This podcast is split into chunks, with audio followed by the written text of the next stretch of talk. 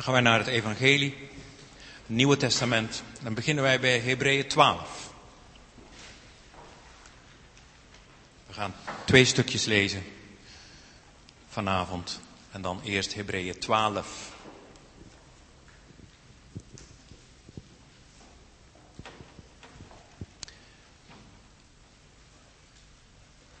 Ik lees ervan vanaf 1 tot en met vers 17. Wel nu dan, laten ook wij, nu wij door zo'n menigte van getuigden omringd worden, afleggen alle last en de zonde die ons zo gemakkelijk verstrikt. En laten wij met volharding de wedloop lopen die voor ons ligt. Terwijl wij het oog gericht houden op Jezus, de leidsman en voleinder van het geloof. Hij heeft om de vreugde die hem in het vooruitzicht was gesteld, het kruis verdragen en de schande veracht en zit nu aan de rechterhand van de troon van God. Want let toch scherp op hem die zo'n tegenspraak van de zondaars tegen zich heeft verdragen, opdat u niet verzwakt en bezwijkt in uw zielen. U hebt nog niet tot bloedens toe weerstand geboden in uw strijd tegen de zonde. En u bent de vermaning vergeten waarmee u als kinderen wordt aangesproken.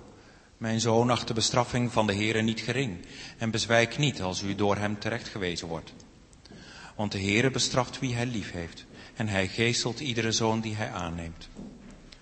Als u bestraffing verdraagt, behandelt, u, behandelt God u als kinderen.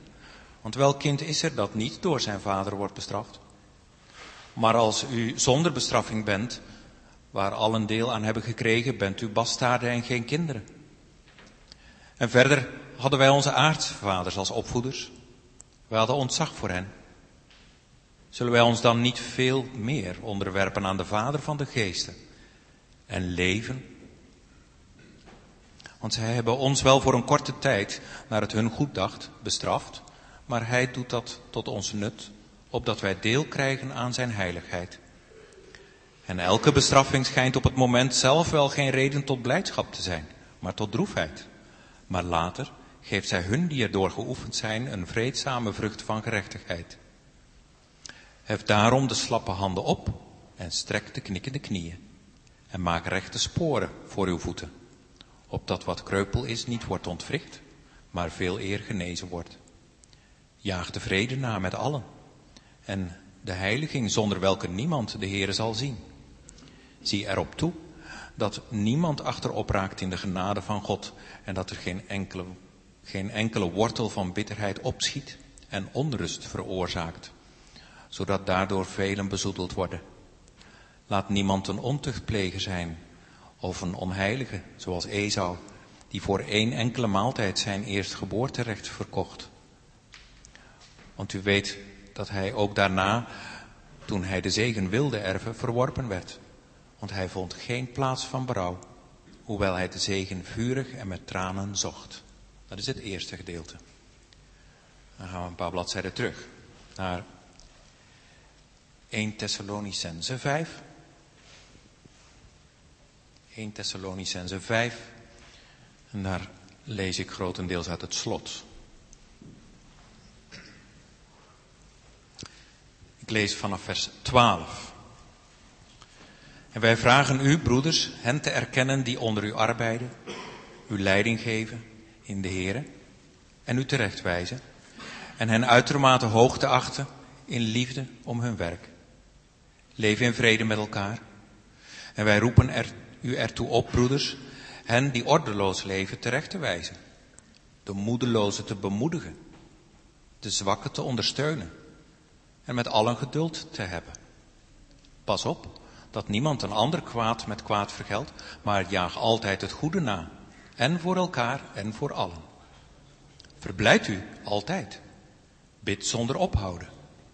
Dank God in alles, want dit is de wil van God in Christus Jezus voor u. Blus de geest niet uit. Veracht de profetieën niet. Beproef alle dingen en behoud het goede. Onthoud u van elke vorm van kwaad. En mogen de God van de vrede zelf uw geheel en al heiligen. En mogen uw geheel oprechte geest, de ziel en het lichaam onberispelijk bewaard worden bij de komst van onze Heer Jezus Christus. Hij die u roept is getrouw. Hij zal het ook doen. En tot hier de lezing voor deze avond. Dit is Gods woord. Laten we het ter harte nemen. Geliefde gemeente van Christus. Ik zat uh, in gedachten bij een preek die ik een tijd geleden heb gehouden over het thema geloofsonzekerheid. Ik weet niet in hoeverre jullie dat kennen. Onzekerheid. En dan heb je ook nog geloofsonzekerheid. Er is van alles meegegeven in, in je opvoeding. En misschien nog. En dan kom je op het kennen en het weten wat we ook al een beetje hadden. Misschien weet je een hoop dingen, maar is er geloof vertrouwen en daar kan dan onzekerheid komen. Daar hebben we het over gehad. En ik realiseerde me ook, ja, er zijn ook zoveel stemmen om ons heen die ons gevraagd en ongevraagd bereiken. En dat was misschien ook wel toen ik jong was, ik weet het eigenlijk niet meer. Dus ik laat, ik, ik laat me helemaal beïnvloeden natuurlijk door deze tijd. En ik denk dat deze tijd dan een ramp is. Nou ja, nou overdrijf ik misschien wat. Maar goed, toen hadden we het over die eerste liefde van de Heer Jezus. Aan de hand van een tekst uit 1 Johannes 4. Dat Hij ons eerst heeft liefgehad. En dat als een, een kapstok, als een houvast gehouden. Hij eerst, Hij altijd eerst, Hij altijd eerst. En nog een keer altijd eerst. Dat daar waar het je uit de handen lijkt te vallen, dat je denkt, ja maar ik, ik maak dat niet, dat geloven, dat lukt niet. Dat je altijd weer mag weten, Hij eerst. En weer opnieuw beginnen omdat Hij met ons begint. En um, ja, dan kan je natuurlijk ook naar een vervolg. En dit zie ik dan als een vervolg vanavond. Dat geloof kun je daar dan ook in groeien. Kan je doorheen die onzekerheid en al die stemmen om je heen, kan je daarin groeien. En hoe moet dat dan? Nou, de tekst die ik eigenlijk als uitgangspunt wil gebruiken, die komt uit 1 Thessalonicense 5, vers 21 en 22. We hebben heel veel gelezen trouwens, daar kun je heel veel over zeggen, maar ik beperk me hiertoe. Beproef alle dingen, behoud het goede, onthoud u van elke vorm van kwaad. En als ik een, een titel boven de preek zou mogen zetten, dan gaat het over dat behouden richting het, het, hoe zei ik het nou weer? Ja. Eerst beproeven, dan behouden. En dan staat er onthoud u of houd afstand van het kwaad, begrenzen noem ik het maar. Begrenzen. Misschien mag het daar wel over gaan. En hoe doe je dat? En ik denk dat ik daar wel vier dingen van kan zeggen en vier kopjes zou mogen plaatsen. Het eerste is grenzen bepalen. Het is nodig. Ik ga dat proberen uit te leggen dat het nodig is. Vervolgens ook dat het, het is niet doenerig, maar grenzen bepalen, dat vraagt ook wat van ons. Zonder dat het doenerig wordt, alsof wij het allemaal voor elkaar moeten maken. Het dient ook een doel als derde punt, een doel. En ik hoop het ook voor ons allemaal een stukje praktisch te maken. Want wat kun je nou als je een heel verhaal hoort en je gaat straks naar huis en je zou niet weten hoe moet ik dat nou doen. Dus ik hoop dat het ook deze verkondiging ook een hulpmiddel mag zijn. Dat eerste dan, grenzen bepalen. Het is nodig. We hebben het gelezen in Hebreeën 12, een tekst die begint met het woord wel nu dan. Wel nu dan. Het volgt op het stuk wat ervoor staat. En voor is een heel hoofdstuk over geloofsgetuigen. En je ziet de worsteling van de geloofsgetuigen.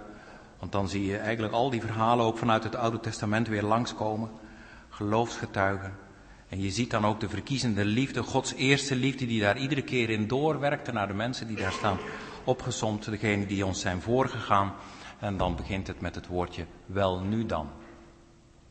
Wel nu dan, laten ook wij, nu wij door zo'n menigte van getuigen omringd worden, afleggen alle last en de zonde die ons zo gemakkelijk verstrikt.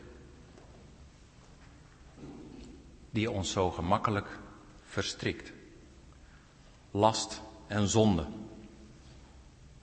Verstrikt raken. Dat raakte me ook omdat ik om me heen dat ook wel hoorde. mensen bij ons uit de gemeente, jongeren ook, verstrikt raken. Die vertellen van het hoofd zit zo vol. Er zijn er ook die moe worden daarvan, moe. Van alles wat je kan bezighouden. Het kan als een last zijn, dat woord wat er hier ook staat. Een last. Een veelheid van stemmen om ons heen. Er staat hier nog een woordje, het woordje gemakkelijk. Dat het zomaar gebeurd is. Die ons zo makkelijk verstrikt. Last en zonde. Ik herkende er ook wel wat in. Misschien trek ik mij heel veel dingen aan, ik weet het niet. Maar bij mij komt alles binnen en dat blijft er nog een poosje hangen. En heel veel ideeën komen op me af. En vooral ook dat er, en dat, dat zullen jullie vast ook wel herkennen, iets van je wordt verwacht. Dat je er namelijk iets van vindt. We leven ook in een tijd, lijkt het wel, dat we overal iets van moeten vinden. En dat is niet aan leeftijd gebonden. Ook jongeren. Je moet er iets van vinden. En het valt mij op als ik naar mijn eigen werk kijk dat ook binnen de kerk krijg ik heel veel vragen op me af. En daar mag ik dan iets van vinden. Boekkasten vol met, met boeken over bepaalde thema's. En dan, ja, vind er iets van. En please, zou je het op een A4'tje willen samenvatten? Want uh, managerial is het makkelijk om het te bevatten. Ik? Nou, ik weet niet hoe het bij u overkomt. Ergens iets van vinden. En toen kwam ik een keer thuis bij een, uh, een gezin en een van de jongeren, 17 jaar. Maar dominee, wat is, wat is nou waarheid? Zij had blijkbaar behoefte om duidelijkheid te krijgen, wat is nou waar? In, eh, in dat bos van al die stemmen die ook op haar zijn afgekomen. Wat is nu goed? Wat is nu wijs? En er leeft ook een verlangen om radicaliteit te vinden. Nou, dan wil je weten waar je aan, aan toe bent. Wat is nou waarheid? En ondertussen klinkt die boodschap die ik net heb gelezen nog een keer. Om af te leggen alle last en de zonde die ons zo gemakkelijk verstrikt. En dan kan je soms behoefte hebben aan die vereenvoudiging. Niet alles tegelijk. We kunnen misschien ook niet alles aan. Dan kan het best zo zijn dat wij in een soort evolutie zitten en dat wij mentaal steeds meer kunnen multitasken en dat we het wel kunnen. Wel, die evolutie gaat mij voorbij in ieder geval, want mij lukt het niet. En ik heb nog altijd een stukje behoefte aan vereenvoudiging, niet alles tegelijk. En dus denk ik, grenzen. Ja, ze zijn wel nodig. En dan komen we uit bij het woord van de Heer, Gods woord. Waarom daar? Omdat ik denk dat al die wereldgeesten, al die wereldstemmen, die hebben niks verbindends in zich. Dat ze ons bij elkaar zullen brengen. Ze zullen ook niet deze wereld redden. Kansen genoeg gehad, zou ik denken, maar het is niet gelukt. Die wereldgeest gaat het niet redden. En daarmee wij ook niet. Het biedt niet echt houvast. En daarom kom ik maar weer terug bij die eerste liefde van de Heer. De bron van liefde. Eerst bij God zijn. En wat staat er dan in de Hebreeënbrief?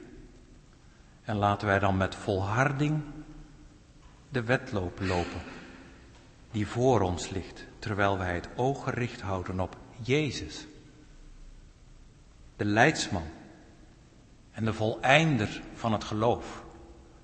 Nou, dat helpt mij al een stukje in de, in de richting waar we naartoe moeten. Het is goed om grenzen te bepalen. En, en mag het? Mag ik mij richten op Jezus alleen?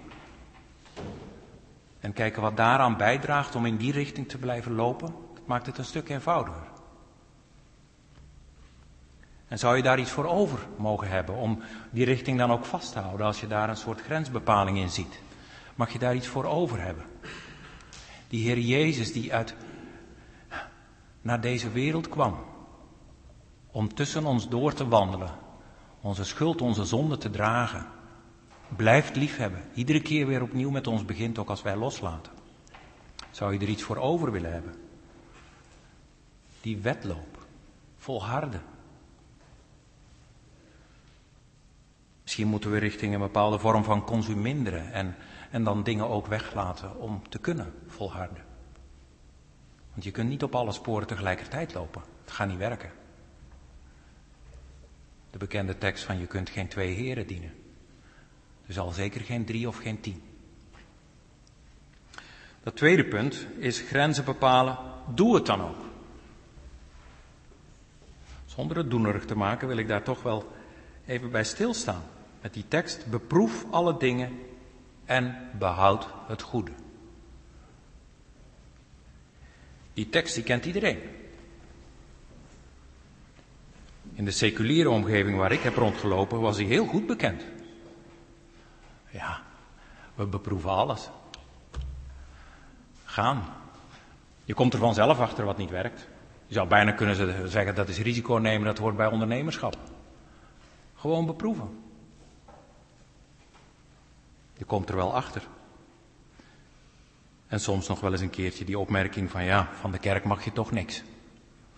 Dus dan doen we het hier wel. Beproef alles en behoud het goede. Maar werkt dat zo? Alles beproeven? Is dat nou wat God bedoelt hier in Gods woord? Alles proberen? Zou God nou echt van ons verlangen van, nou kijk maar hoe ver je komt? Doe eens gek. Zou hij dat nou bedoelen? Denk eerder dat je er zelf gek van wordt, uiteindelijk. Nee, het is niet goed om alles te proberen. Weet je, je loopt ook een risico. Als je alles probeert zonder kennis van zaken, dan kun je ook schade oplopen. En er is schade in het leven die je niet te niet kunt doen. Dan zit je wel met de brokken. Dus zomaar beproeft alles. Wat niet werkt, dat valt af. Je kunt schade oplopen. Kijk toch uit. Ik wil toch nog een andere tekst lezen uit 2 Thessalonicense. Ik lees hem u maar voor hoor, 2 Thessalonicense 3. Die helpt me nog een stukje bij de uitleg. Daar zegt Paulus dit. Dat we verlost mogen worden. Van de slechte en boosaardige mensen. Dat staat er.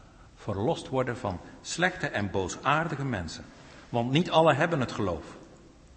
Maar, staat er een mooi woordje, maar, en tegenover, de Heere is getrouw die u zal versterken en bewaren voor de boze. En dan gaat het verder. En wij vertrouwen van u in de Heer dat u doet en ook doen zult wat wij u bevelen. Grenzen bepalen, het is nodig. Hier in dit punt wordt duidelijk van, dat vraagt ook iets van ons. Doe dat dan ook. En de Heere mogen uw harten richten op de liefde van God. Hier heb je weer die eerste liefde, Hij naar ons toe. En wij mogen ons daarop richten en op de volharding van Christus. Net hoorde je het, dat er volharding in de wedloop ook wordt gevraagd van onze kant, maar we zien er eentje die heeft volhard tot het einde, de Heer Jezus. Mag dat ons misschien ook die moed geven om te zeggen, als u dat kon, mogen wij dan door u geholpen worden, ook in de volharding in ons leven? Grenzen bepalen, grenzen houden. Ja, het zit dus anders met dat beproeven. Het is niet zomaar van probeer maar. Nee, als we verder lezen, dan zien we nog iets staan. Vers 22. Onthoud u van elke vorm van kwaad. Het gaat hier over begrenzen. Begrenzen. Dus nee, niet alles luisteren. Niet alles lezen. Niet alles kijken, niet alles doen.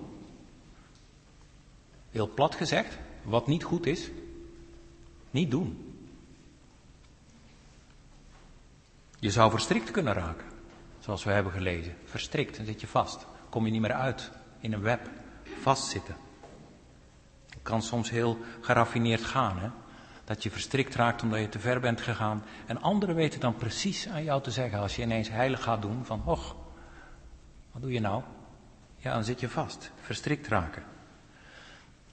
En dat kan onzekerheid opgeven. Ook als je daarin stapjes in het geloof wil zetten, dat je je toch weer onzeker gaat voelen. Hè? Die geloofsonzekerheid waar ik het eerder over had. Een soort geloofsburn-out zou je in terecht kunnen komen. Het is te veel. We moeten ook teruglezen in het gedeelte wat we hebben gehad in 1 Thessalonicense 5. Ik lees het u nog even voor vanaf vers 12. En ik licht wat woorden toe. Dat het nodig is om leiding te geven en ook te krijgen in de Heer terecht gewezen te worden. Terecht, en dan gaat het over de rechte weg. En hen die ordeloos leven terecht te wijzen dus. De moedeloze te bemoedigen. Als je er moe van wordt, van al die vele stemmen. Dat je de rechte weg weer krijgt aangeboden. En dat is niet van ga maar die kant op. Dat is, dat is niet de manier van terechtwijzen in Gods, Gods koninkrijk. Nee, dat is ernaast gaan lopen en samen meelopen op die rechte weg. Je stuurt niet iemand de rechte weg het bos in, je loopt mee. En dan kom je die moedeloze tegen, die moe is van al die stemmen. Dat je die mag bemoedigen. En wie zwak is, dat je die mag ondersteunen, staat er. En met alle geduld te hebben. Ja, geduld ook. En dan vers 16, dan staat daar dat dat de wil is van God. Dat is de wil van God om het zo te doen. Bent u nog mee? Het is de wil van God om zo met elkaar om te gaan. Ja, ik doe al dit teken zo, hè, dit, dit gebaar. Hou elkaar erbij. Hou elkaar erbij, dat is hier ook de boodschap. Hou elkaar ook vast. En wat stond er nog meer? Veracht de profetieën niet. Profetieën? Wat was dat nou weer voor een woord? Profetieën. Ik heb het voor mijzelf hier maar zo opgeschreven. Profetie is Gods woord in de onvoltooid tegenwoordige tijd. Een woord, de Bijbel, duizenden jaren oud, in het heden, actueel gemaakt naar u, jou en mij. Onvoltooid tegenwoordige tijd. Het geldt nu. En daarom zijn die, boodschappen die we ook lezen, dat beproeven, maar tot en met die afstand houden van wat niet goed is, dat begrenzen, is ook actueel, ook vandaag. is niks anders. Veracht de profetieën niet. Om het doel vast te houden, want daar gaat het dan ook om. Wat was dat doel nou weer? Gerichtheid op Jezus, de leidsman. De voleinder van het geloof, ook het aangevochten geloof. Dus ja, beproeft alle dingen, behoud het goede. Is vooral ook bedoeld om te zeggen, wees je bewust van waar die grenzen liggen. En trek dan ook een grens. En hou ondertussen je doel vast. Laat je niet afleiden. Met Hem leren leven, de Heer Jezus leren leven. Dat is het goede. Dat is te behouden. En help elkaar, want het is een wedstrijd, zegt de Hebreeënbrief. Help elkaar, ook in die volharding. Arm in arm onderweg. Dat is een vorm van gemeente zijn, toch? Arm in arm onderweg. Samen. Je staat niet alleen. Dat mag niet. Je mag niet alleen staan daarin. Je hebt elkaar zo nodig. Vraagt ook een stukje onderwerping dan aan elkaar. Hebben we ook gelezen. Het staat er. Zullen wij ons niet veel meer onderwerpen aan de Vader van de Geesten en leven? Onderwerpen. Niet altijd even prettig, hè? Ook niks nieuws onder de zon, dat lezen we. De schrijver zegt het ons. Dat is niet altijd reden tot blijdschap, maar tot droefheid. Allerlei vormen van droefheid. Doet pijn, soms ook door eigen zonde. Dat is moeilijk. Droefheid, niet altijd blijdschap. Inderdaad, het is een wedstrijd. Bij een wedstrijd kun je zomaar spierpijn oplopen. Maar we moeten die focus vasthouden. Als je daar tussen die witte lijnen staat en je moet gaan rennen, dan is het niet de bedoeling dat je zigzag gaat. Dat gaat hem niet worden. Hou die witte lijn in de gaten. Hou hem ook vast. De eindstreep, Jezus. De leidsman. De voleinder van het geloof. De vader van de geesten. Om echt te leren leven. Samen onderweg. Dat was het tweede punt. Grenzen bepalen. Om het ook te doen. Met de hulp van God. En hij gebruikt elkaar. We mogen als gemeente daarin samen optrekken. Het derde, grenzen bepalen, dat dient ook een doel. En daar mogen wij ook van genieten, mag ik het zo zeggen. Dat het rust en vrijheid geeft. Rust en vrijheid. Wat zegt de Hebreeën schrijver over die wedstrijd nog? Maar later geeft zij, dat is die strijd, hun die erdoor geoefend zijn, een vreedzame vrucht van gerechtigheid. Gods gerechtigheid, zie de Heer Jezus daar voor je. Hef daarom de slappe handen op en strek de knikkende knieën. En maak rechte sporen voor uw voeten. Het is ook wel een eerlijke tekst die iets laat zien van een bepaalde zwakheid die we misschien allemaal wel ervaren in ons leven. Kan ik het wel? Red ik het wel? Haal ik die eindstreep wel? Blijf ik wel binnen die lijntjes? Ik ken mezelf. Ik ben bijziend en ik loop zomaar verkeerd. Symbooltaal, hè? Maar u snapt hem wel. Dat je in het leven zomaar verloren kunt lopen. Kan ik het wel? Ja, en dan wordt ons gewezen op de Heer Jezus. De leidsman en voleinder van het geloof. En wordt er over hem gezegd. Hij heeft om de vreugde die hem in het vooruitzicht was gesteld, het kruis verdragen. En de schande veracht. En hij zit nu aan de rechterhand van de troon van God. De liefde van de Heer Jezus, die kostte hem het leven. Daar aan het kruis. En dat bracht voor ons het leven op. En daarom houden wij Hem als doel voor ons, want Hij is het die ons het leven biedt. En ook als je zwak en moe kan zijn met een aangevochten geloof, maar dan mag je rust krijgen en vrede, zoals die tekst dat ook zegt. Vrede, de vreedzame vrucht van de gerechtigheid. Met Hem mogen we ons daarnaar uitstrekken. Om niet meer verstrikt te raken. Uit de strik te raken. Omdat Hij daarvan verlost. Dat is bevrijding. En vanuit dit derde punt zou ik naar een vierde willen gaan. Het praktische. Om aan de slag te gaan. Gaat het wel lukken? Afgrenzen. Ja, als je dingen gaat loslaten, dan zou je kunnen bang worden dat je iets gaat missen. Het bekende woord onder de jongeren natuurlijk bekend, the fear of missing out. FOMO. Fear of missing out. Bang dat je iets mist. En het is eigenlijk geraffineerd hoe dat ook via social media kan werken. Dat je bepaalde berichten krijgt die dan 24 uur later zijn ze er niet meer. Dus je wordt eigenlijk ook gedwongen in de tijd naar voren, naar nu, van nu alles te volgen, want straks is het er niet meer. Flauwe grap misschien om te zeggen, maar dit woord is niet binnen 24 uur weg. Dit blijft, was en blijft voor eeuwig. Gods woord kan je altijd oppakken. Wat het tijdstip van de dag ook is, in welke situatie je ook zit. Fear of missing out. Bang dat je iets mist. Dat relaties op het spel zouden komen staan als je niet elk verhaal hebt gelezen. Het is toch wat? En dan nog onder die druk van You only live once. Ja, dit is de tijd waarin we leven. Het moet wel hier en nu gebeuren. De druk wordt alleen maar groter. En het aantal stemmen neemt toe. Stel dat je uit, buiten de boot valt. Was het niet dat TNO-onderzoek 2021, en er zijn er ondertussen meer, hè, want dat, dat is mooi om dat te onderzoeken. Hoe gaat het met onze jongeren? Burn-out neemt toe. Nou, u kent die onderzoeken misschien ook wel. Willen we alles wel meemaken? Ten diepste. Willen we eigenlijk alles wel beproeven of worden we inderdaad ook moe? Wel, ik geloof dat we, en ik wil dat straks ook praktisch maken, ik geloof dat er in al die onrust rust te vinden is. Ik geloof dat bij dat onderzoek alles, dat het ook mogelijk is daar banen, grenzen aan te brengen.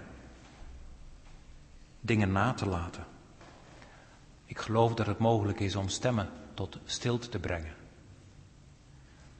Ik geloof dat het te midden van die, die, die chaos aan meningen en aan ideeën, dat het mogelijk is om die focus te vinden. Misschien krijgen we hem ook wel van de Heer te, te vinden. Richting. Hou vast. Wat zou het nou betekenen als je nou echt Jezus vasthoudt? Wat zou dat betekenen? En ik geloof dat in een wereld van afleiding en misleiding dat God ons wil helpen om ons te leiden richting die vrede die Hij verdiend heeft voor ons, die shalom. Afgrenzen kan, denk ik dus. Consuminderen kan.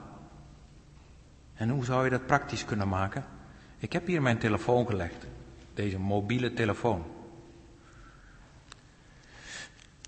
Welke apps heb je erop staan? Een paar jaar geleden nog maar was dat een ding waar jongeren mee rondliepen en die hadden hun apps daarop. Maar dat is al lang achterhaald. Ouderen, is het niet zo dat wij ook allemaal ja, rekening mee inmiddels ook al toe ja, van die apps op hebben dat je eigenlijk moet afvragen van wat, wat brengt het op? Heb ik er nut van? Mag ik nog denken in het nut?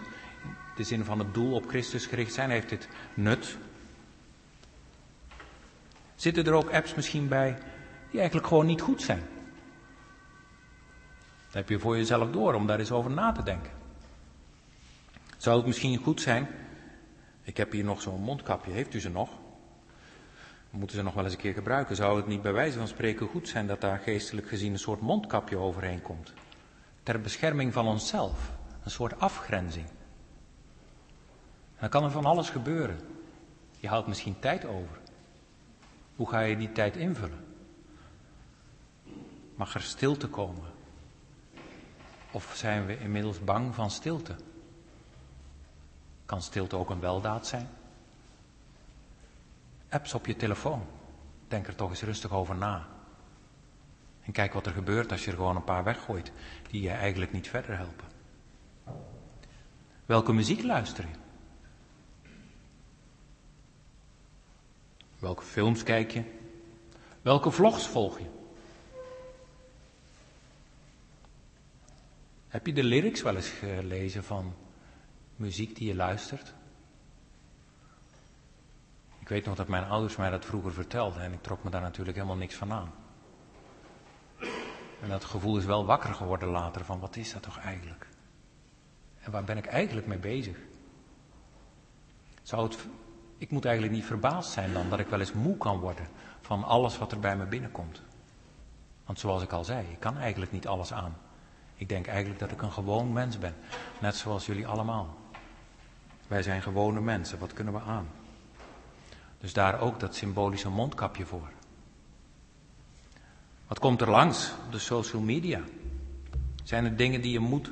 Ik weet niet hoe dat werkt. Ik zit ook nog op social media, maar ik sta, vraag me steeds meer af van hoe werken die algoritmen? Ik krijg daar spul aangereikt dat ik me werkelijk afvraag van wat moet ik daarmee? Beeldvervuiling, ik wil het niet. Begrenzen. Het kan. Trouwens wel goed dat er dan in de kerkwereld alternatieven komen op die social media om toch met elkaar verbonden te zijn. En zo las ik laatst iets wat mij helemaal ontgaan was, want ik kijk eigenlijk bijna geen films meer, maar over Squid Game. Ik had er nooit van gehoord. En dat er een alternatief komt, hè, een, een, een Netflix-serie, waar je van afvraagt van, helpt me dat nou om dat te kijken? Wat brengt mij dat eigenlijk? Zou ik dat op een zondagavond rustig zitten kijken? Heb ik daar wat aan? Brengt het mij dichter richting Jezus, de voleinde van het geloof? Heb ik dan een mooi onderwerp om het met elkaar over te hebben? Misschien als onderzoeker dat je daar als antropoloog, socioloog naar moet kijken, maar dat is iets anders, dat bedoel ik niet. Nee, gewoon als ontspanning. Is dat ontspannen? Degene die Squid Game kennen, die weten wel wat ik bedoel. Word je op school of op je werk of in andere kringen wel eens meegezogen in gesprekken? Of handelingen, dingen die je doet, die fout zijn? Mij wel overkomen. U ook? Wat doe je dan? Erken het. Kom ergens op terug. Of ga weg. Zeker als je dingen moet doen die gewoon niet kloppen die niet goed zijn. Zoals ik al zei, wat niet goed is, doe het niet. Wat ga je nou doen? Misschien denk je inmiddels, ik weet eigenlijk niet hoe ik het moet doen. Het is die boodschap die één keer in de zoveel tijd langskomt en het zal allemaal wel waar zijn, maar ik vind het zo moeilijk. Het lukt me niet. Morgen ga ik weer in de mist. Blijf denken aan die eerste liefde uit 1 Johannes 4. God die in de Heer Jezus je aankijkt, oogcontact zoekt om te zeggen, ik weet het. Ik weet het. Dan kijk je toch aan met mijn liefde. Zullen we opnieuw beginnen. Een geweldige troost en dat moeten we wel vasthouden. Maar als je je toch afvraagt van hoe kan ik het, hoe, hoe heb ik het door in bepaalde momenten? Misschien heb ik het niet eens door. Kent u dat bandje nog? Wat would Jesus do? Dat armbandje. Misschien zou je dat in gedachten kunnen nemen. Bij je telefoongebruik, bij je gesprekken in omgang met anderen, wat je ook doet. Als de Heer Jezus er nou bij zou zijn, hoe zou Hij het vinden? Zou Hij er blij van worden? Wat zou Jezus doen? Misschien mag het je helpen bij de goede keuzes. Eén boodschap staat vast. Zoek eerst het koninkrijk. Zoek de Heer Jezus. Zoek de voleinder van het geloof. Zoek zijn aangezicht. Want hij kijkt je aan. En wat krijg je dan terug? Al het andere wat je nodig hebt, zal je worden gegeven. Dus die grenzen stellen. Niet alles beproeven. Je beperken. En begrenzen. Dan mag je één ding weten. Al het andere zal je gegeven worden. En ondertussen zou ik zeggen, investeer de vrijkomende tijd. Investeer daarin. Gebruik hem. Vandaag is zo'n dag. Ik zeg het wel eens gekscherend. God was klaar met zes dagen. En toen was daar het moment, en dit is natuurlijk heel onheilig ingevuld, dat hij er nog een zevende dag cadeau bij deed. Voor ons. Om naar onze schepper om te kijken. Hij heeft gewerkt. Wij mogen onze nieuwe week in rust beginnen. Nou, geniet van dit soort momenten. Om je te richten op de schepper. Hij die zegt, alles wat je aan last en moeite met je meedraagt, als het te zwaar wordt, kom tot mij. En ik zal je rust geven. Matthäus 11. Kom tot mij en ik zal je rust geven. Hoe kan dat? Met een bijbeltje, een dagboekje, goede muziek, de rust nemen zoals op deze rustdag. En dat is ook een concrete oproep. Laten we dat ook maar doen met elkaar. Het is dus niet zomaar beproef alles. Nee, het is een afgestemd blijven op Jezus, de voleinder van het geloof. Hoor zijn stem, hoor zijn liefdevolle stem. Zijn eerste liefde. Als laatste wil ik nog die laatste verse lezen uit 1 Thessalonicense 5 en dan gaan we zingen. En mogen de God van de vrede zelf u geheel en al heiligen en mogen uw geheel oprechte geest, de ziel en het lichaam, het geheel, onberispelijk bewaard worden, beschermd, bewaard worden bij de komst van onze Heer Jezus. En dan? Hij die u roept, is getrouw. Hij zal het ook doen. Nou, wil je daarvan leven? We zijn kwetsbaar. We leven in vallen en opstaan. Maar de Heere is erbij. Zijn liefdevolle ogen kijken ons aan. Stem op Hem af. Ga met God. Dan zal Hij ook met je zijn. Amen.